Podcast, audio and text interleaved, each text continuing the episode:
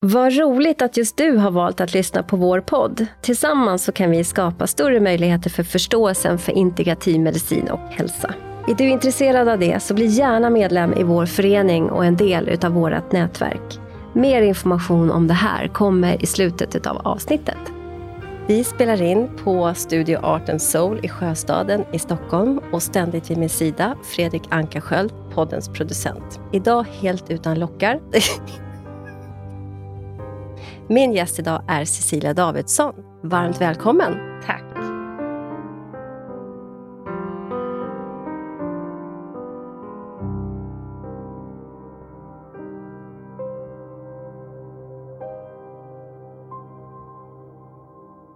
Cecilia, du är utbildad näringsterapeut och du är en säregen erfaren kock. Du har under många år arbetat som kock på olika yogaretreats, både i Sverige och utomlands, och det var också så som vi möttes. I somras så deltog jag på ett yogaretreat ute på Väddö, där du kockade och fick äta din helt fantastiska, färgstarka, gl glada, jag säga, ekologiska, lokala, vegetariska mat. Visst var det så? Mm. Jag kommer faktiskt aldrig glömma den upplevelsen. Jag läste någonstans i dina böcker att vissa går på yogaretreatsen bara för matens skull. Alltså, eller? Ja, det, jag får höra det ibland. Absolut. Ja, ja. Mm. Alltså jag skulle kunna sälla mig till den, faktiskt. Jag längtar efter varenda måltid när jag var där. Och din mat är som sagt var inte bara god, utan den är också, du, gör ett, du har en uppläggning som ser helt fantastisk den är liksom, Det är vilt och det är vackert på något sätt. Sen snart 17 år så driver du ditt eh, företag Curly Food. Mat som lockar. Och genom det, men även genom dina böcker som exempelvis Hälsosam mat, juicer och smoothies, så sprider du din matfilosofi och kunskap. Har du skrivit några fler? Men jag har skrivit två stycken yogamat. En som kom nu för två år sedan och en som kom för kanske 13-14 år sedan. Den första. Mm, 13-14 år sedan. Det är länge sedan. Mm. Du, var, du var tidigt ute med den. Ja, precis. Ja. ja. Mm. Och där i en av dem så kan man då ta del av din exklusiva köksyoga. Mm. Bara den. Senaste, precis. ja. Så, vill du berätta? Hur, hur startade allt det här? Alltså, vem är du? Vad gör du? Och hur startar det här stora intresset för hälsosam mat? Men jag tänker att det startade, eller det startade så som det kanske gör för de allra flesta när man intresserar sig för hälsa, för att man börjar att det kommer ifrån en själv att jag började gå kurser för min egen skull i mat som medicin, ekologisk läkekonst och, liksom, och utforska hur jag kan må bättre både fysiskt och mentalt genom det jag äter. Det här var ju ungefär 20 år sedan. Och så tyckte jag det var så spännande att lära sig om nya råvaror och mat som inte fanns i våra butiker. Jag gick och, och rotade i hälsokostaffärer och det var ganska o, o, vad säger man? osprungen jord. Så det var, det var, det var jättespännande och jag kände själv en stor effekt av det. Och så var jag så här, det här vill jag liksom dela med mig av. Jag lagar ofta mat och har gjort det sedan jag var liten. Att jag liksom gillar att laga mat och bjuda på både bakverk och men att kunna laga det och man vet att det är välgörande. Och så gick jag en utbildning till näringsterapeut, tvåårig. Eh, och lärde känna både människor som arbetar som terapeuter. Och det var inte mitt syfte, utan mitt syfte var att kunna lära mig laga den här maten. Eh, och jag har alltid älskat att skapa. Så maten blev ett sätt att skapa mat. Att kunna göra vackra uppsättningar. Eller sådär, att man kan liksom dekorera och, och göra det väldigt liksom inbjudande. Eh, så det, liksom, ja, det var ett sätt att hitta ett uttryckssätt. Mm.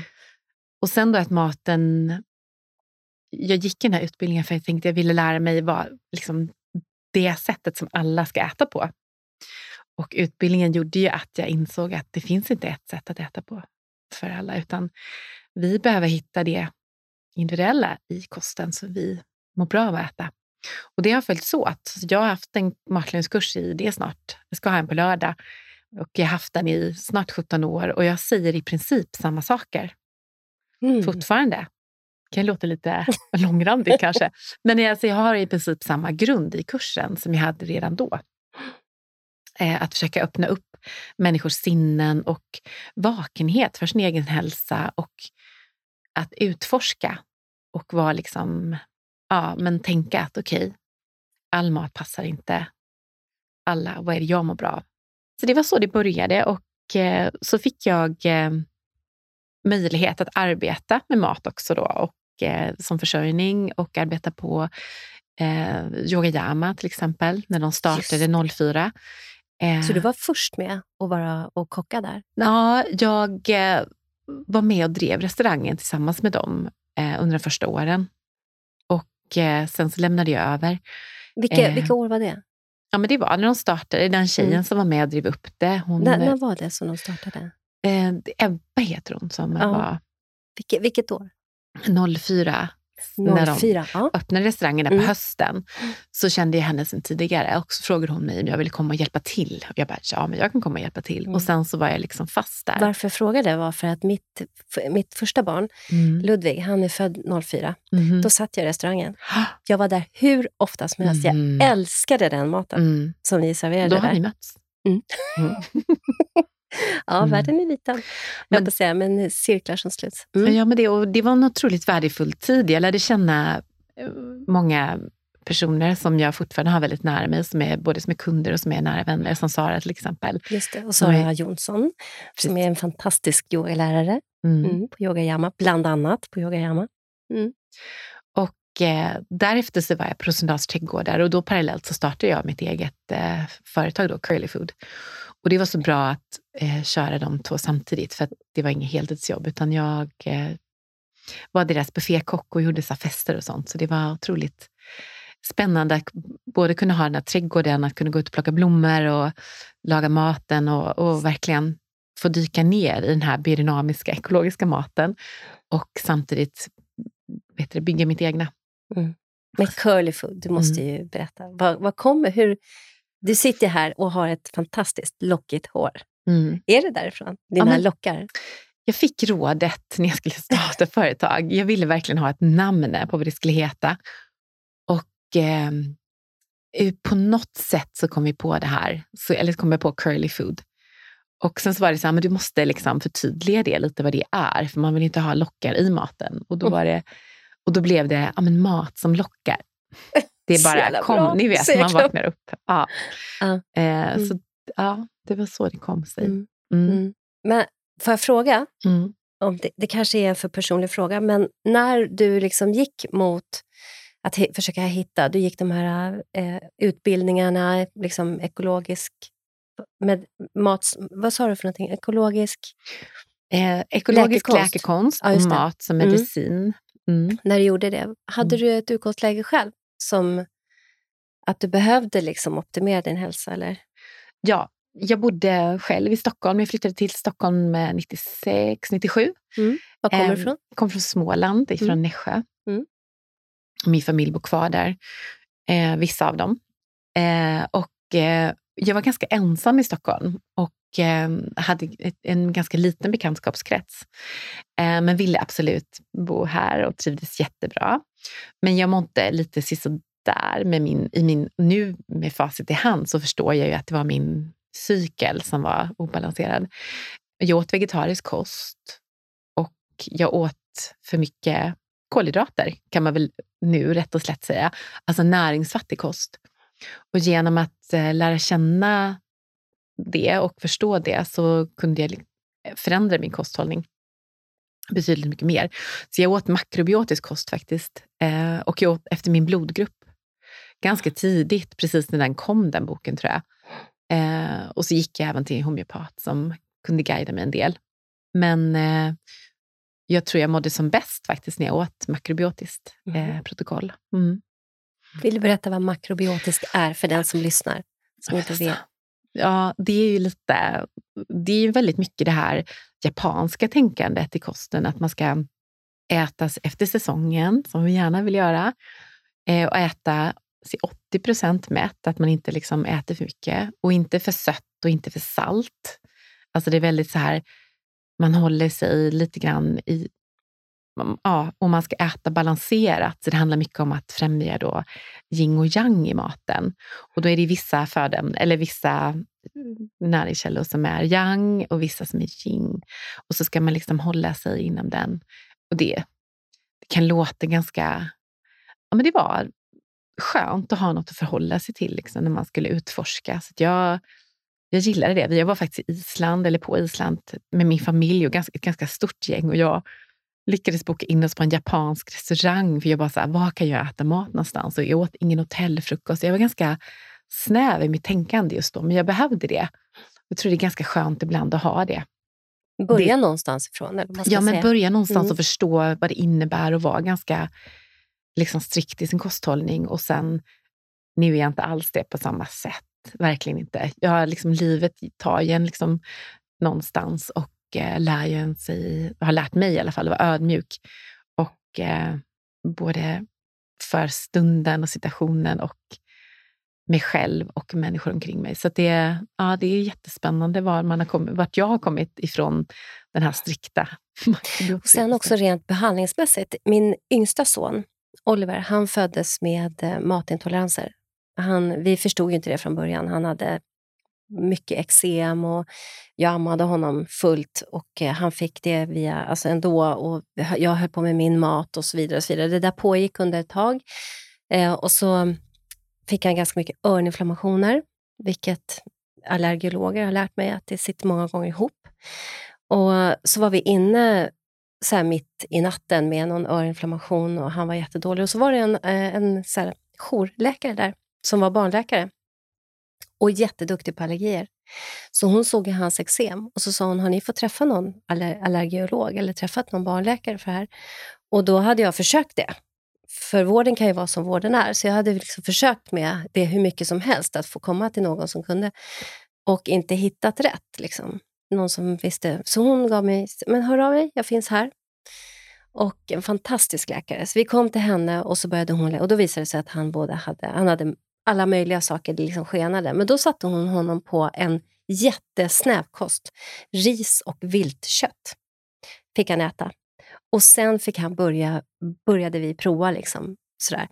Och, men han stod ju på det ett par veckor. Så att, och, och sen har vi gjort massvis med saker, men idag har ju han, är han helt läkt. Han kan äta vad han vill. Sen är han väldigt, eftersom han är han och har fått gått den här vägen i livet, så är han väldigt noggrann med sin mat. Och eh, äter väldigt hälsosamt. Det är helt fantastiskt att ha ett, ett, ett, ett barn som gör det. Jag har tre. Ett barn har gått den vägen fullt ut. Så då tänker jag att man kan också, apropå gå in i det strikta, det var dit jag ville komma egentligen. Han fick vara jättestrikt. Och sen har vi liksom, och på ett sätt finns det då en idé om att man liksom lugnar ner tarmen, som man säger i den traditionella hälso och sjukvården.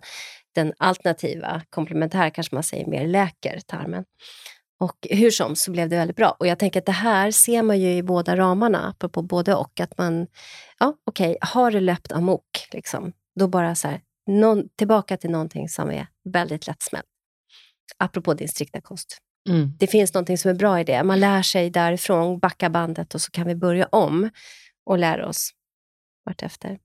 Mm, absolut, jag håller med. Mm. mm. Så du var där, mm. strikt, mm. Island, Mm. Åt ingen hotellfrukost, men däremot, för att annars tänker jag makrobiotisk låter mer för mig så här, med mikro och makronutrienter, mm. att man liksom har koll på de här äh, proteiner, fetter, kolhydrater, vitaminer, mineraler, så, men det är det inte, makrobiotiskt.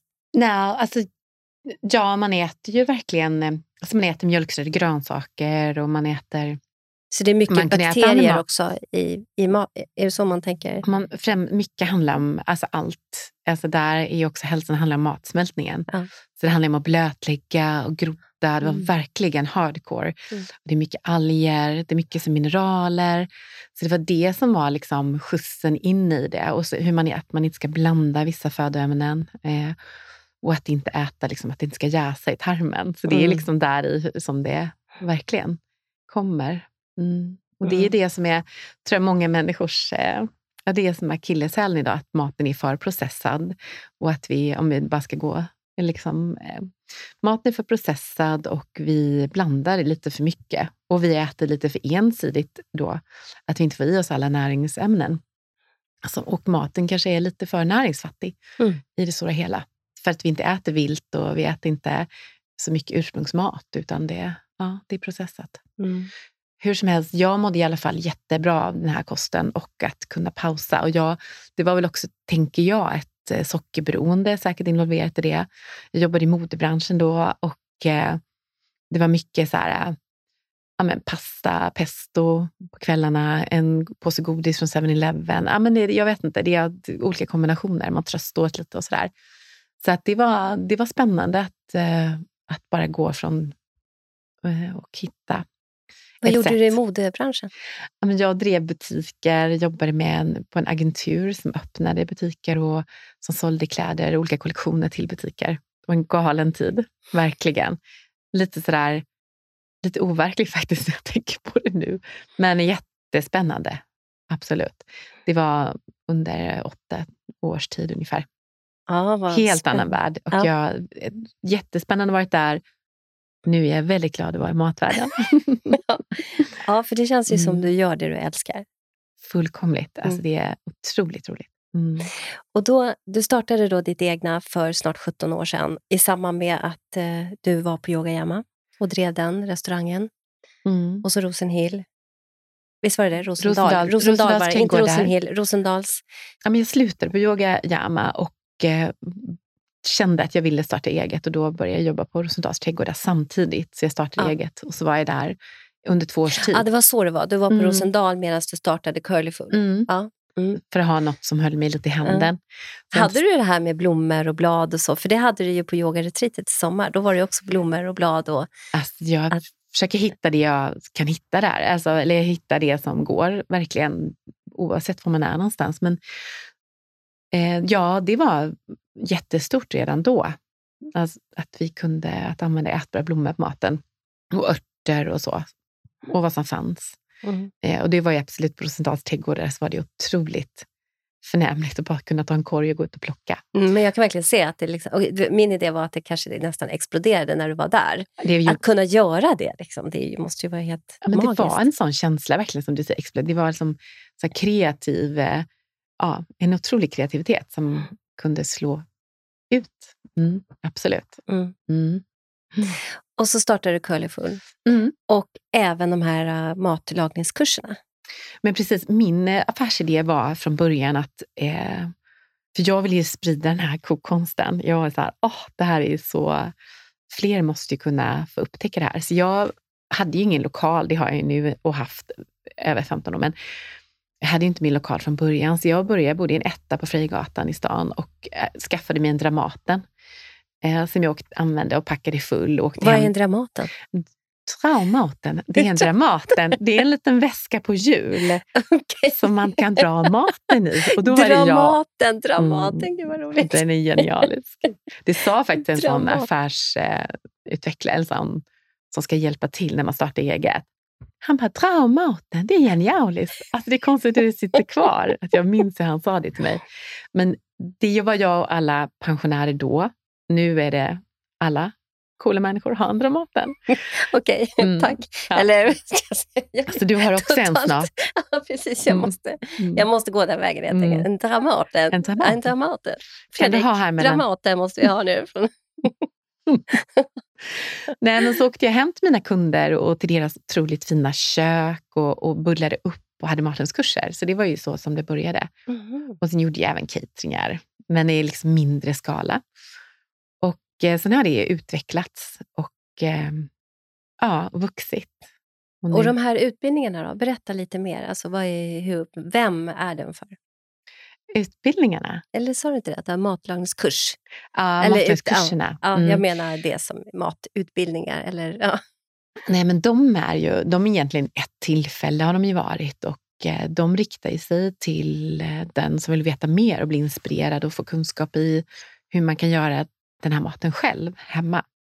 Och, eh, och vad är den här maten? Vad är ditt koncept? Vad är det som är din matlagningskonst konst som du liksom vill sprida?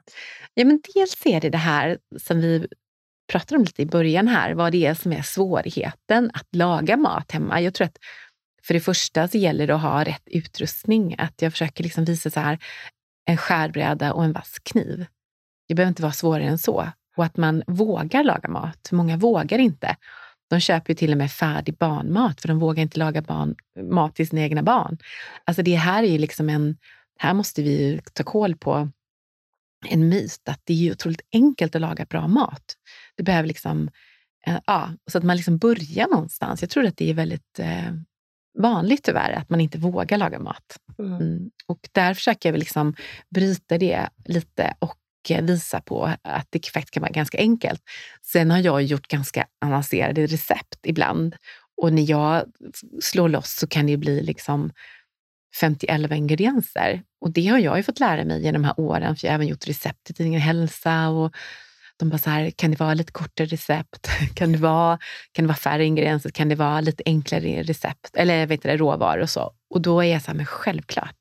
Och jag förstår ju den, för mig är det så här, så här åh, det finns allt det här man kan använda. Men sen så är det ju, okej, okay, om jag ska använda någonting så är det de här. Och då försöker jag visa de här enkla råvarorna som jag alltid har hemma. Eh, visa hur man kan tänka liksom och att man utgår från sig själv att man främjar sin matsmältning. Så jag liksom lyfter de här sakerna, hur vi kan tänka kring måltiden och kring tiderna man äter. Lite det här att om man är, lever i familj, vilket många gör, men inte alla, att man försöker utgå från sig själv, att inte alla kanske behöver äta samma mat eller må bra av att äta likadant och vid samma tider. Vi har ju den här rytmen, eh, vår cirkadiska rytm som är som, ja, som det gäller liksom att försöka hålla och anpassa sig till. Så det är inte bara att eh, tänka att man äter, utan när man äter när man är hungrig. och liksom, ja. Så det är många såna små enkla knep som man kan tillgå. Och det är det man får. Om man anmäler sig till sån här äh, mm. kurs, mm. då är det alla de här tipsen som man får. Ja. Som jag skulle skicka min man till dig, mm. alltså jag som inte lagar mat så skulle jag, då kan han komma och få lära sig tips och råd så att han vågar börja mm. laga mat. Ja, precis. Eller vem som helst, alltså, men jag tänker då på ja. som skulle behöva. Men, men alltså mm. vem som helst som inte kan, det var dit jag skulle komma, som inte kan så mycket, mm. den personen. Men även då, jag tänker, jag, jag älskar att laga mat och mm. mat och hållit på som ordförande för integrativ medicin. Jag har provat, liksom, jag är ju också där som du är eh, idag, att det finns inte en diet för alla.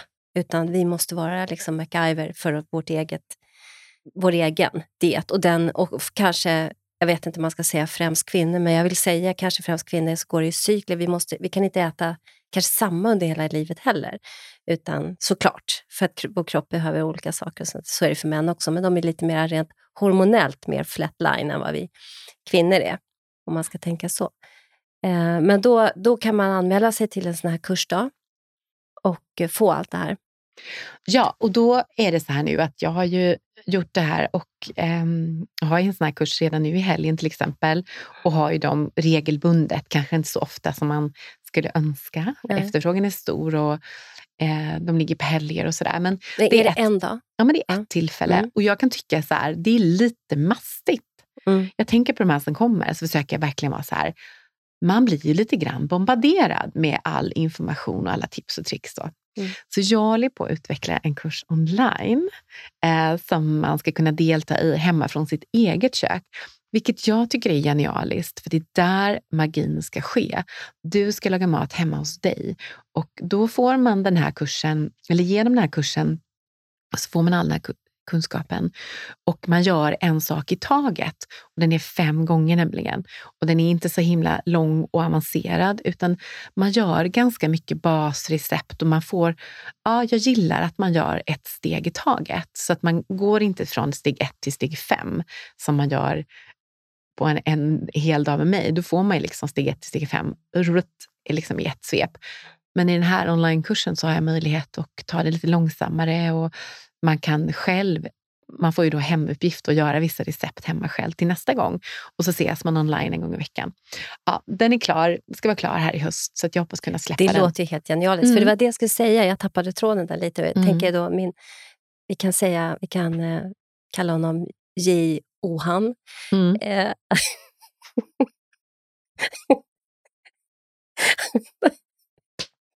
Varför det? det är jättekonstigt.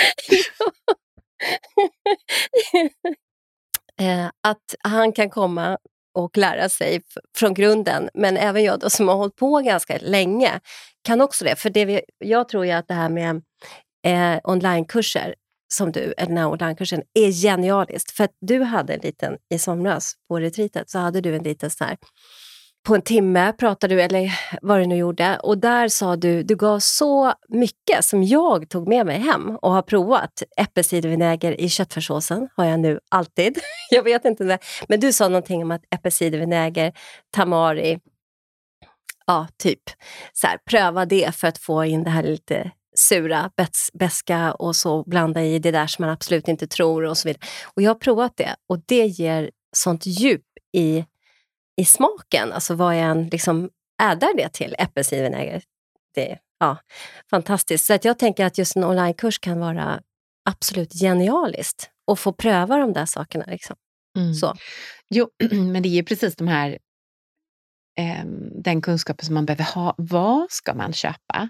Och lite grann varför. Alltså de här jag pratar ju om mina smaksättare mm. eh, som är ganska enkla. Jag är ju otroligt stor fan av herbamare. Mm, just det, herbamare. Ja, mm. men herbamare är ju mm. liksom otroligt god smaksättare, en god sälta. Men man behöver liksom ha de här olika smakerna. Och var hittar jag smaken någonstans? Så att man inte bara hittar smaken i, ifrån en källa.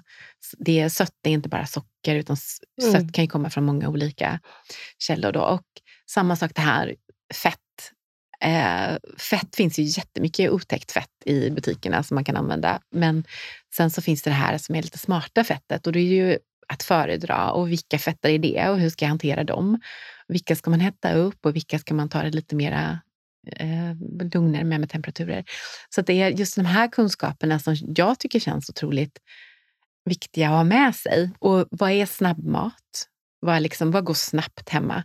Vad är bra att ha hemma så man får i sig bra näringstät mat snabbt? För det är många, liksom, vi kommer hem och vi, vi är vrålhungriga och vi behöver fram bra mat på bordet ganska snabbt omgående. Hur kan vi tänka då? Och är det så himla fel med rester egentligen? Hur ska man tänka smart med det? Så jag, jag går igång på att egentligen tänka på de här olika lösningarna för eh, familjer och för människor som har kort om tid. Men sen också att man faktiskt kan få liksom avsätta tid för att laga bra mat till sig själv och sin familj. Samma sak som man går och tränar eller sätter kollar på en serie eller så. Man får bara välja rätt tillfälle. Man kan inte göra det när man är toktrött och kommer hem stressad klockan fem. Så att man lär sig vad det är som ens familj behöver och att man avsätter tid för att faktiskt laga upp lite, alltså en tomatsås, någon god röra, något smul, alltså något sådär som går snabbt och man ser till att ha de sakerna hemma. Um, ja, planera lite helt enkelt. Mm. Mm. Ja, det, det jag ville säga var att det jag tyckte var väldigt fin, alltså det du gjorde där när du liksom gav oss det på retreaten som en plus plus plus. Eh, men jag kan tänka mig att din kurs innehåller otroligt mycket mer och det som du gav där och då har jag hållit på med sedan dess. Så att jag kan tänka mig att det ger otroligt mycket att gå de här kursdagarna. Jag kommer anmäla mig och J. Ohan. ja, nej men mm, vad kul. Men, men hur ser det ut idag? Liksom? Du, eh, jobbar du heltid med curlyfood nu? Ja, jag har arbetat heltid med curlyfood ända sedan början egentligen. Eh, och det är så otroligt lyxigt att få göra det, mm. verkligen. Och att jag har möjlighet att göra olika typer av uppdrag. Så jag har gjort kokböcker då, fyra stycken. Och sen har jag även gjort recept. Jag gör fortfarande, men i lite mindre skala, till tidningen Hälsa. Eh, så beställer de olika eh, recept till sina tidningar. Och sen så gör jag cateringar. Cateringar är den stora som vi levererar, både stora och små. Så det kan vara 150 personer eller eh, det kan vara lunch till 20 personer eller ja, privat och företag. Vi har hittat, eller det är väldigt spännande kunder som hittar fram och som, som intresserar sig och som vill erbjuda det här till sina, sin personal. Jag hade en föreläsning bara för två veckor sedan på en så du föreläser också? Mm, mm, föreläser den här typen av matpratet som du precis... Ja. Och då gjorde jag även ett eh, liveinslag där jag visar hur enkelt man kan laga, använda äppelcidervinäger och tamari. Jag känner mig ibland lite som en tv, sån här, vad heter tv-shop-person som ska sälja det här. Ja, nej, men så det, gör det, så det gör jag. Och sen är en annan stor eh, sak som vi erbjuder, det är ju en cleanse. En halvfasta. Mhm, Och den- Berätta. räddade oss under covid faktiskt. Eh, för att annars hade vi nog inte haft så mycket eftersom ingen hade några tillställningar längre. Så cateringarna blev väldigt små. Det är ganska ohållbart att göra en catering till fyra eller åtta personer i längden. Men vi hade då som tur var den här klänsen, så då beställde ju folk eh, man bokar in sig på fyra dagar med oss, fyra eller sex. Man kan lägga till två dagar över helgen. Och då är, deltar man som en halvfasta.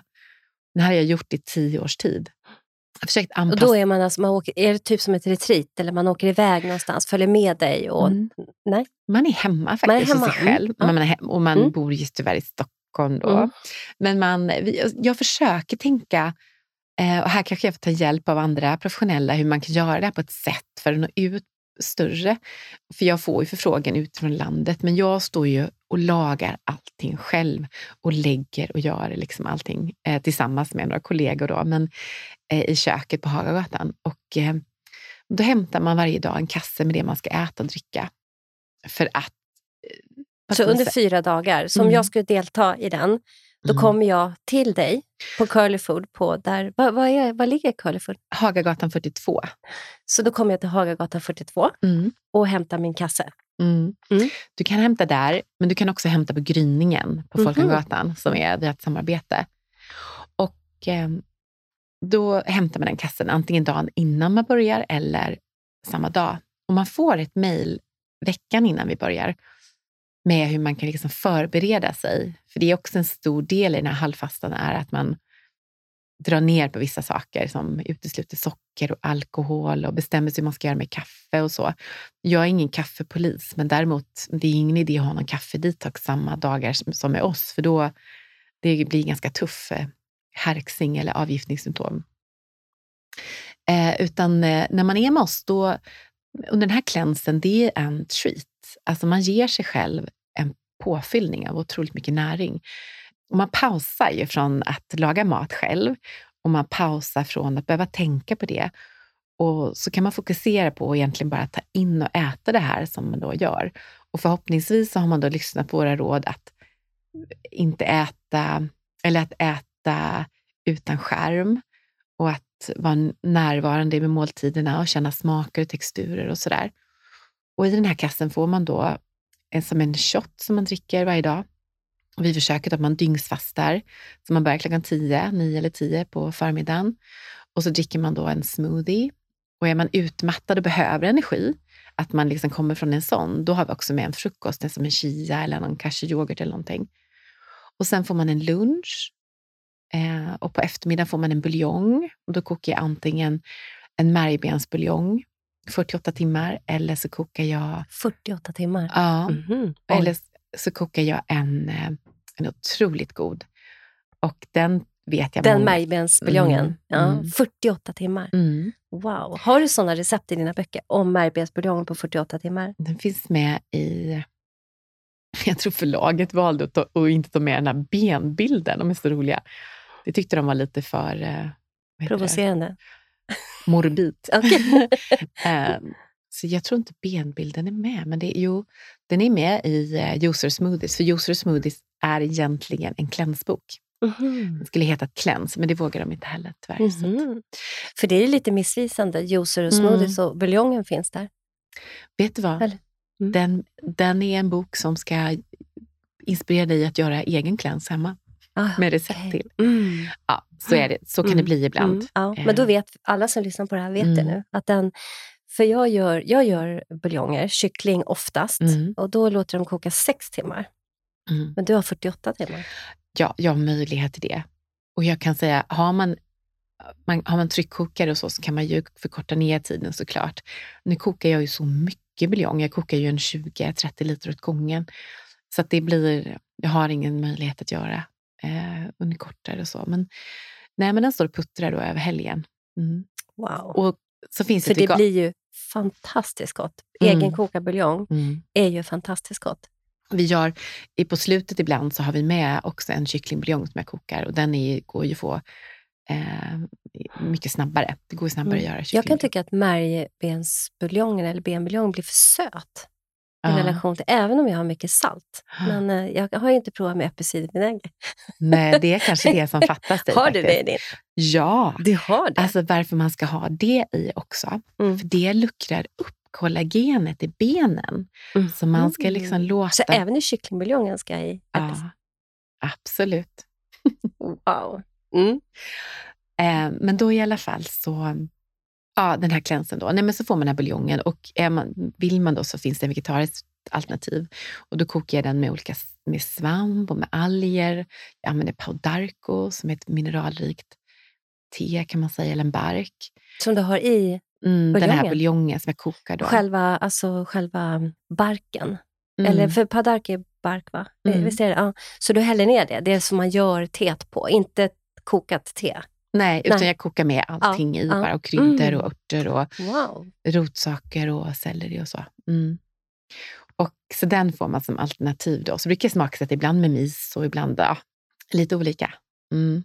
Mm. Men den är så här härlig, alltså den är verkligen en... Ja, den hjälper till att balansera blodsockret på eftermiddagen. Men sen får man också en treat och den kan vi inte ta bort. Så det är med en treat på eftermiddagen som kan vara en liten... Alltså, och treat är?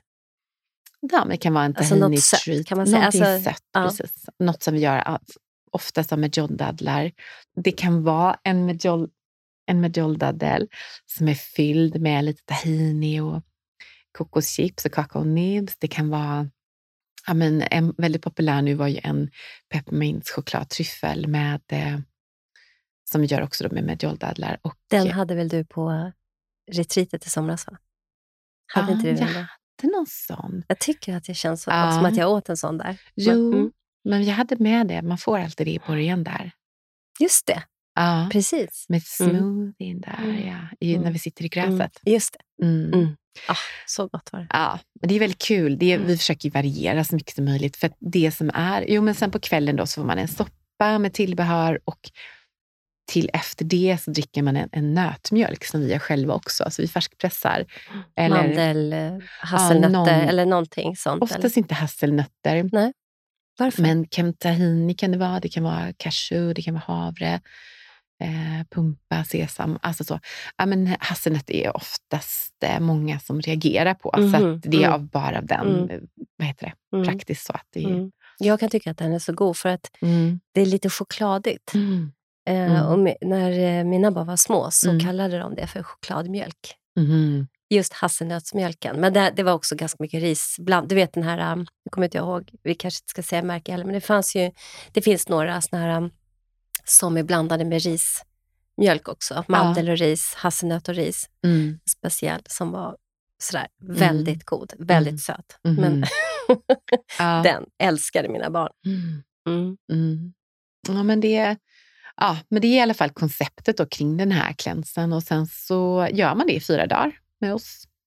Och det kan vara ganska tufft för vissa. Det beror lite på var man kommer ifrån Mm. också och hur man har, vad man gjort tidigare och sådär och hur van man är. Men det jag tänker att det här är en bra inkörsport till att fortsätta eh, kläns och fasta på egen hand.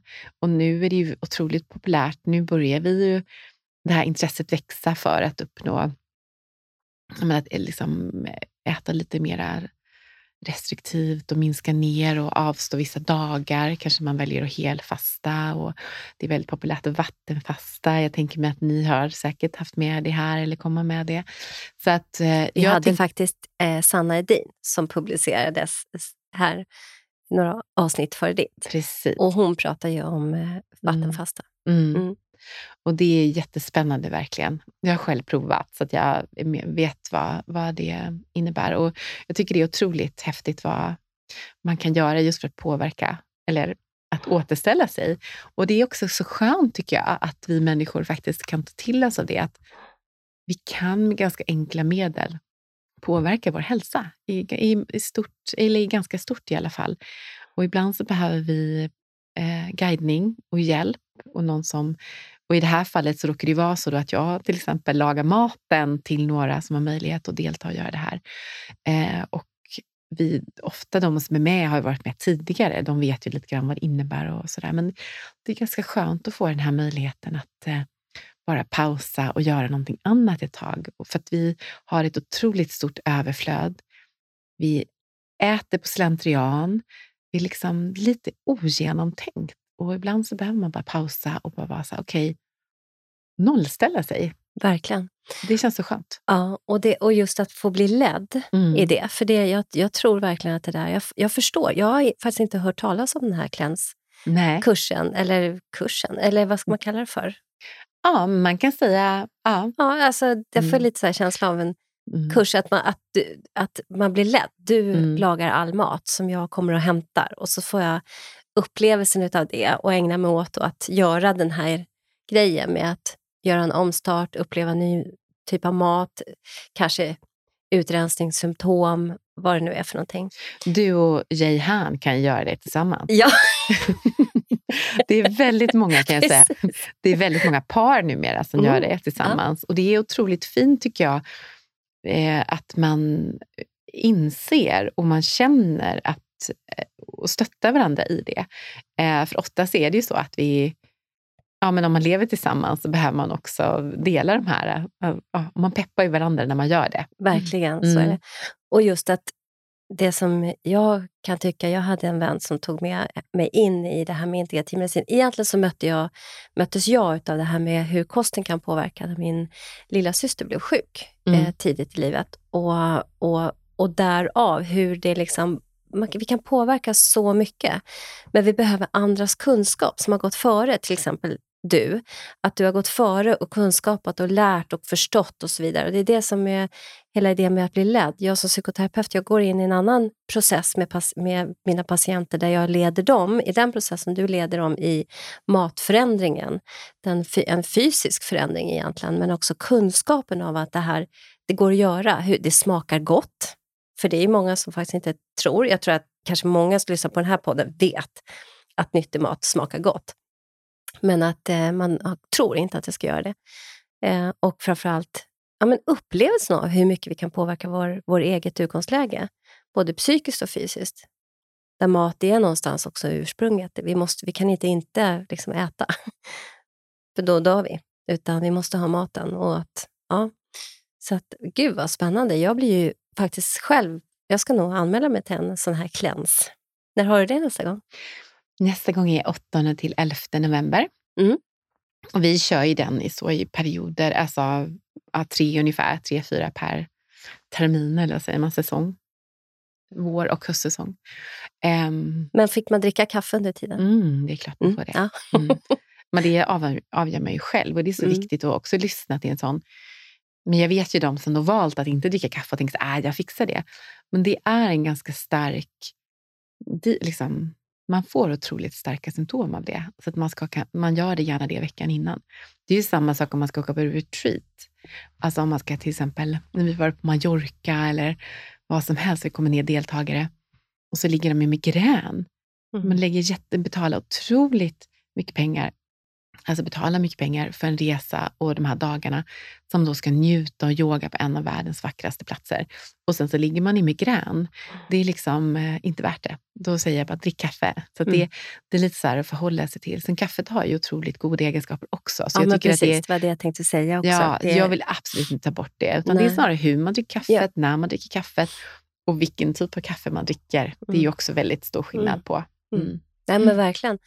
Det, det, det, det är ju så. Mm. Kaffe har, när jag jobbade som sjuksköterska under en period så fick jag lära mig av en annan, då äldre sjuksköterska än mig. Jag gick bredvid henne och då jobbade vi på geriatrik.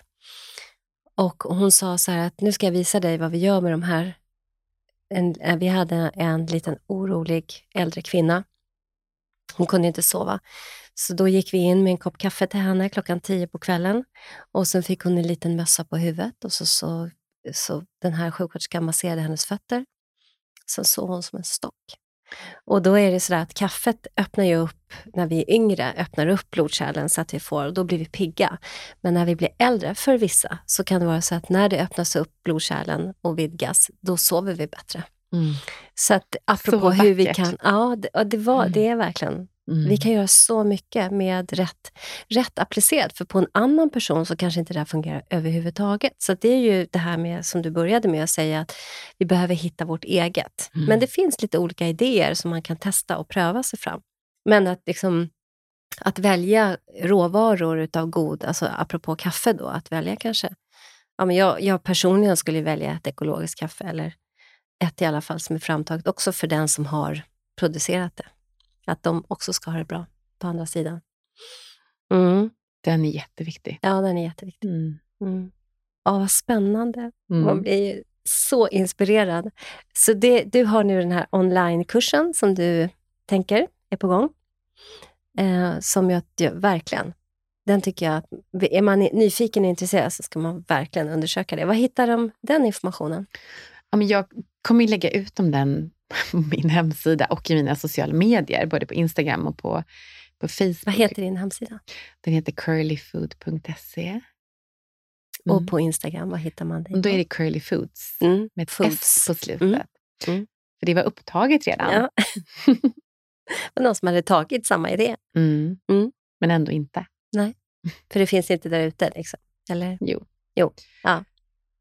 Så, men Cissi, vad, kan, vad, kan vara, vad är svårigheter för en människa? Jag tänker, du har så lång tid hållit på med det här. Du är utbildad, du har varit runt på många olika ställen och så.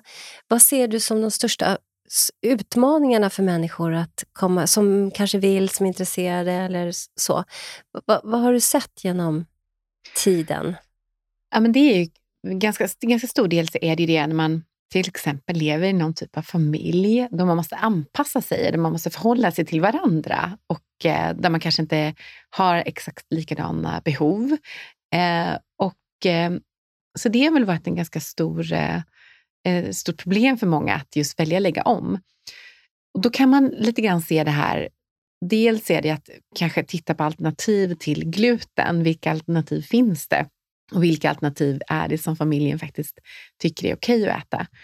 Eh, så det kan ju vara att man använder eh, Finns det en god pasta man kan köpa? Alltså vad finns det för olika?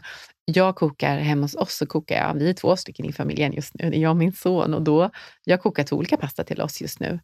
Eh, och ibland inte. Så jag försöker liksom hitta rätter som vi gillar båda två, och som vi kan komplettera varandra med. Men sen är det att inte blanda ihop saker och ting, utan laga saker och ting lite mer separerat. För barn och vuxna har inte heller samma relation till mat och barn har liksom inte riktigt utvecklat det här. Eller vissa har ju det, jag ska inte säga alla, men man har lite olika relation till mat. Då. Så jag tycker här att man tillaga saker för sig oftast är bäst. Att man hackar upp grönsakerna och lägger i olika skålar beroende på hur gamla barnen är. Är det sen så att de äter en hopblandad sallad så kan man hålla dressingen vid sidan om, för då håller salladen sig bättre. Så, och likadant om man separerar dem i de här skålarna så är det bättre att förvara dem sen i kylen. Att man inte joxar ihop allting för mycket. Lägger man på en dressing så börjar direkt grönsakerna att vattna ur sig. Så dagen därpå är de ju inte så himla happy är om man tar ut dem från kylen. Men har man då hållit dem separat och dressingen för sig i en glasburk med lock till exempel, så är det jättelätt att förvara. Så oftast är det så att man lagar lite mer av det man lagar. Att man förpackar det, att man serverar det smart, att man sen förpackar det var och en för sig i kylen. Eh, så att det sen går att ta ut till exempel om man använder ris eller quinoa eller vad det må vara för någonting.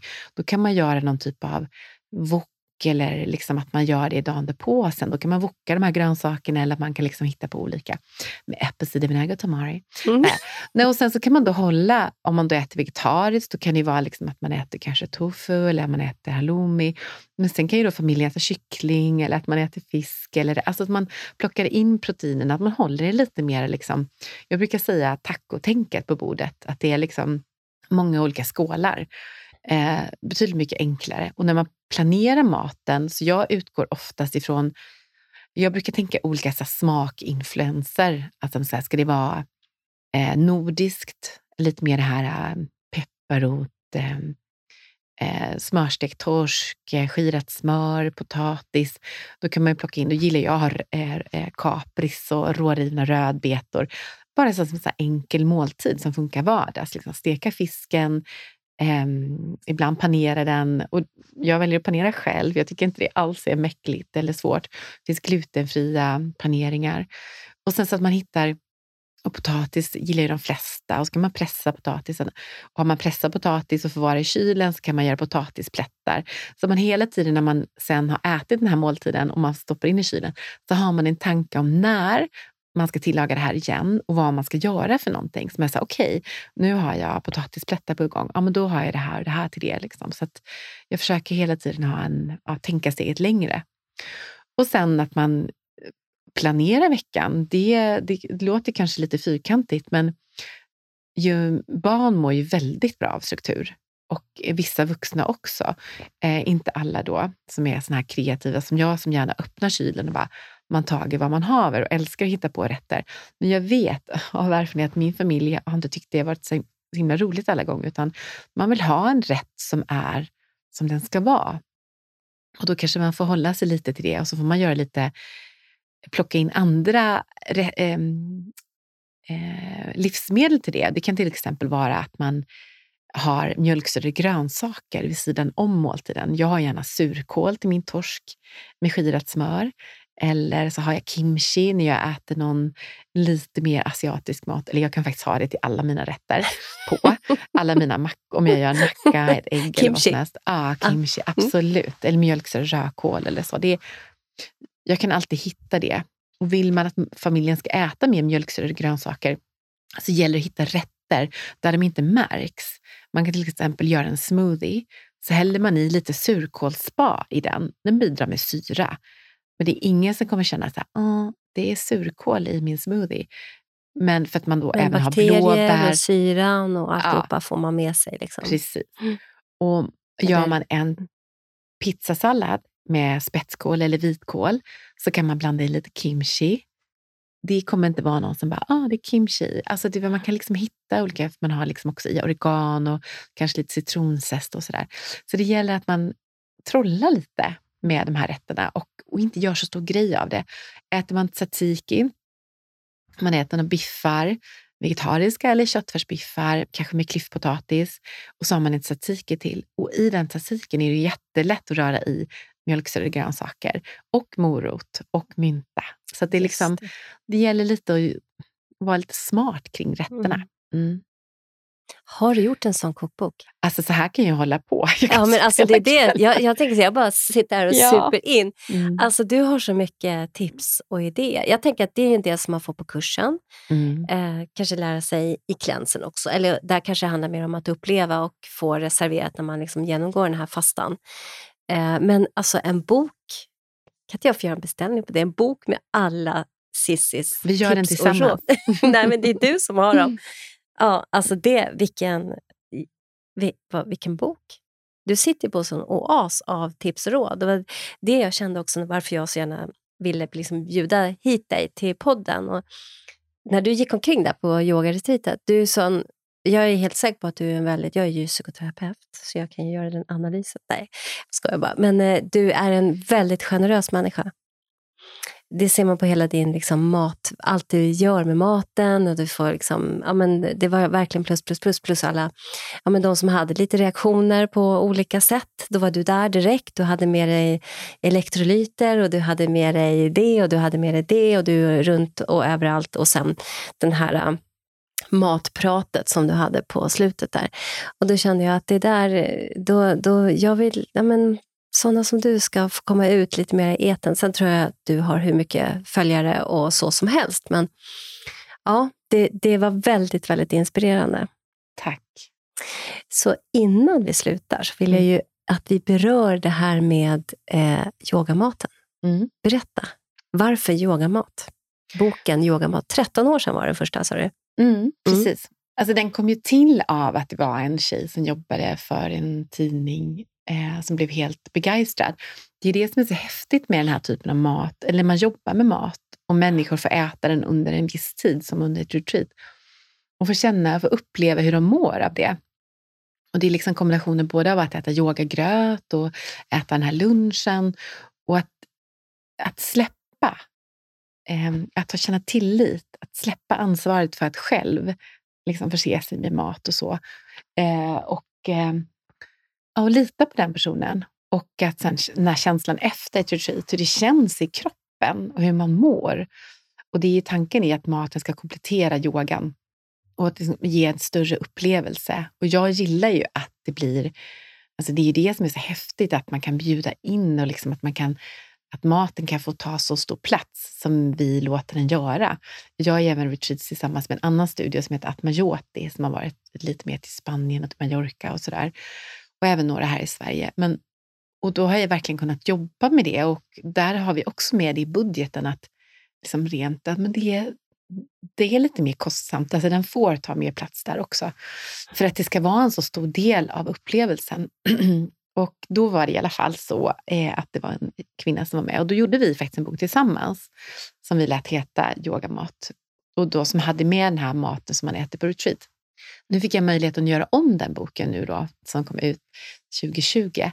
Lite tyst precis i början på en pandemi. Det var liksom lite Aha. som att släppa en bok när ingenting fick ta plats. Liksom, ja, jag vet inte. Mm. Det känns lite så. Mm. Så jag tycker fortfarande att den känns jätteny och aktuell. För den liksom, ja. Mm. Jag är själv så himla nöjd med den också. Vi har fått ta med så mycket av det som jag själv tycker att jag vill ha med i den här boken. Eh, mm. hur som helst. Eh, Yogagröten finns med den, va? Yogagröten finns med. Ja, för den, när jag satt på Yogayama där 2004, jag har ju varit på Yogayama hur mycket som helst, även mm. efter det. Men, men då åt jag de här, den här gröten på morgonen. Mm. Alltså, är så god. Mm. Och nyttig och allting. Mm. Mm. Jo, men det gör jättemycket. Men yogan då är ju flera steg. Yogan är inte bara det här man gör på yogamattan, utan det fortsätter egentligen. Och där mm. handlar det om, som jag tycker är så viktigt, att man ser till att det är hur man behandlar sig själv, mm. även utanför mattan. Och människor omkring sig, och djuren och naturen. Och liksom med dem, det sättet som vi handlar på, de råvarorna som vi köper så är det också ett ansvar och, liksom hur, man, och hur man då sen tar hem dem till sitt kök, hur man tillreder maten. Så det är så många steg i det här som jag tycker verkligen eh, yogan för, kan föra in just yogan, yogamat. Eh, ja, yogan finns närvarande på så många olika mm. sätt i ens liv. Ja, så är det verkligen. Mm. Ja. Cecilia mm. Davidsson, Stort, stort tack för att du ville komma hit och ge oss av din tid och berätta om allt som du har berättat om och gett tips och råd. Och, mm, och jag hoppas på att kunna få bjuda in dig igen. Tack när du själv. har gjort dina onlinekurser. Ja, kan vi prata om det? Vad hände? Liksom? Så. Mm, och vad du har, ja, jag hoppas att du vill komma då. Mm. Men stort tack för idag. Tack.